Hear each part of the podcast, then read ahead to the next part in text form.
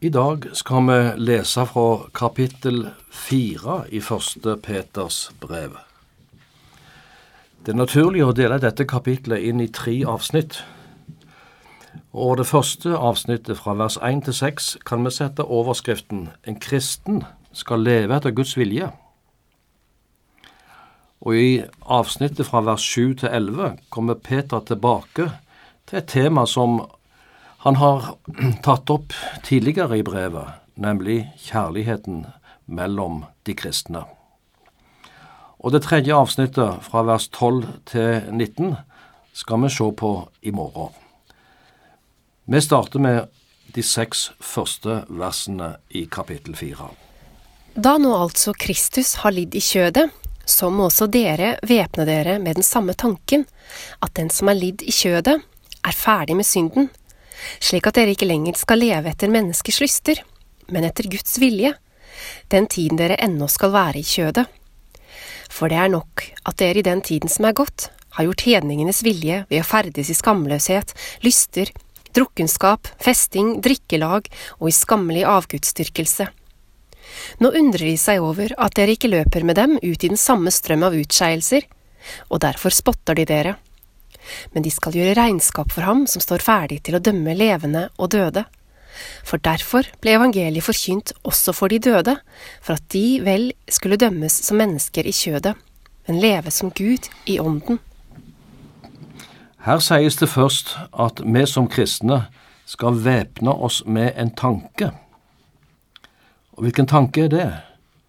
Jo, Peter viser til at Jesus måtte lide mye for vår skyld.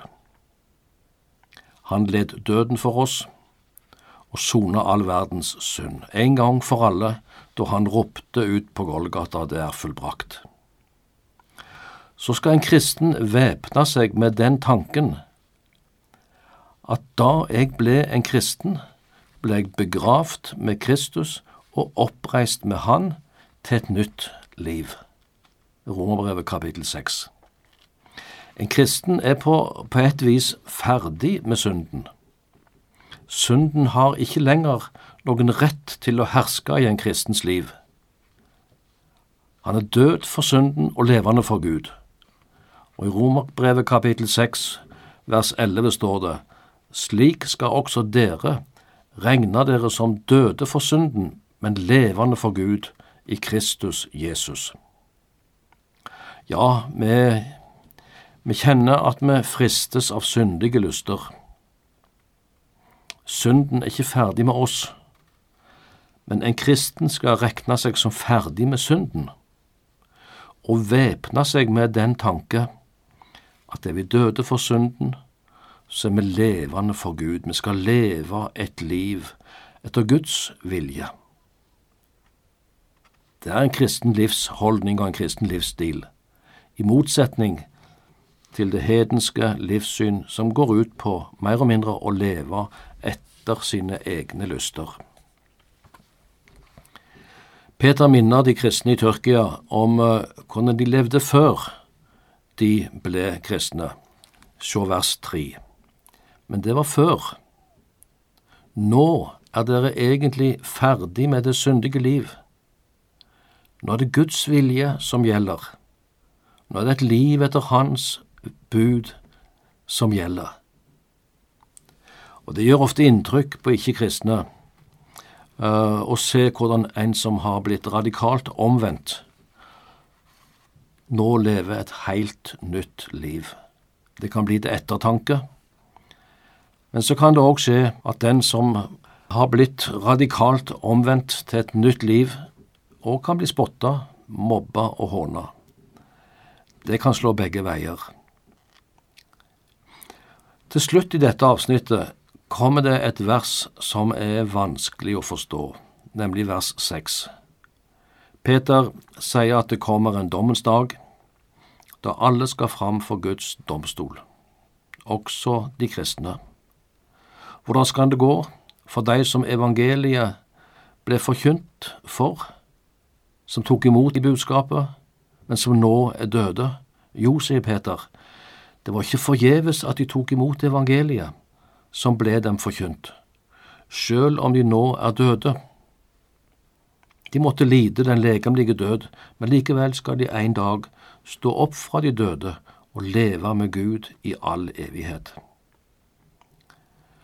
Noen vil tolke disse versene til å gjelde at evangeliet ble forkynt for de døde, altså en mulighet til å ta imot evangeliet etter døden. Men det strir mot Bibelens samlede budskap. Om det blir himmel eller helvete, handler om hvilket forhold det enkelte mennesket har til Jesus her i livet. Vi leser videre ifra vers 7 til 11. Men alle tings ende er kommet nær. Vær derfor sindige og edrue, så dere kan be. Fremfor alt ha inderlig kjærlighet til hverandre, for kjærligheten skjuler en mengde synder. Vær gjestfrie mot hverandre uten knurr. Ettersom enhver har fått en nådegave, så tjen hverandre med den som gode husholdere over Guds mangfoldige nåde. Om noen taler, han taler som Guds ord. Om noen tjener, han tjener ved den kraft som Gud gir, for at Gud må bli æret i alle ting ved Jesus Kristus. Ham som æren og makten tilhører i all evighet. Amen. La du merke til at ordet hverandre ble nevnt tre ganger i disse versene. Da handler det om relasjoner, om hvordan vi forholder oss til hverandre som kristne. Ha inderlig kjærlighet til hverandre. Det var det første.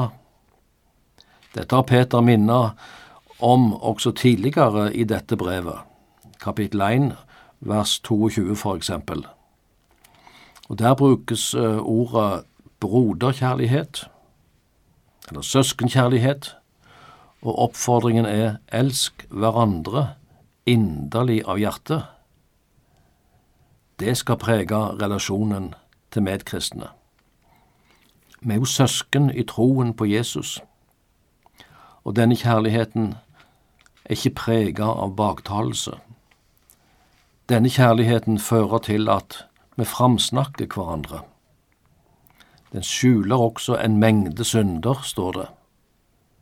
Den er ikke opptatt av å ripe opp i andres synder, ikke opptatt av andres feil.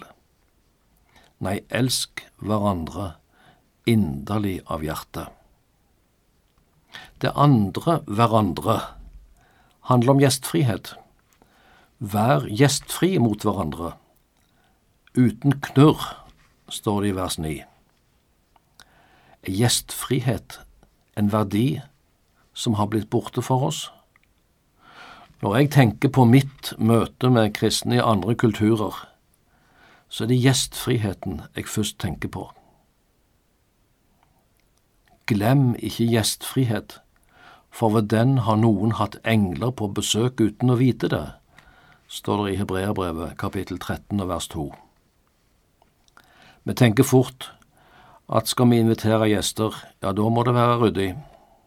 Da skal det serveres god mat. Da er det mye som må forberedes. Og så blir terskelen ofte så høy. Nei, velkommen innom til en drøs, til en kopp kaffe, en åpen heim, gjestfrihet. En har sagt det som får en gjest til å føle seg hjemme, er ikke det som står på bordet, men de som sitter ved bordet. Det følger velsignelse med å ha en åpen og gjestfri heim. Vær derfor gjestfrie mot hverandre, formaner Peter. Og det tredje hverandre handler om tjeneste, vers 10. Tjen hverandre. I det kristne fellesskapet skal vi tjene hverandre med den nådegave hver enkelt troende har fått. Og det finnes mange tjenester som skal gjøres for at en menighet eller et fellesskap skal fungere. Enhver skal finne sin plass, bruke sine gaver. Og nådegave, det er nettopp utrustning til tjeneste. oppgavene er forskjellige. Som lemmene på et legeme har forskjellige oppgaver, slik skal de kristne tjene hverandre som lem på legemet, slik at hele legemet fungerer. Så skal ikke alle stå på en scene eller på en talerstol, men noen har fått den tjenesten og den nådegaven. Da skal han tale som Guds ord, står det.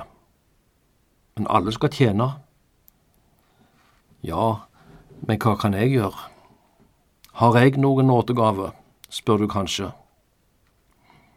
Du skulle kanskje heller spørre, er det noe som jeg kan være til hjelp med?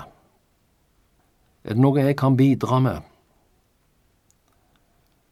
Så er det noe med det å stille seg villig.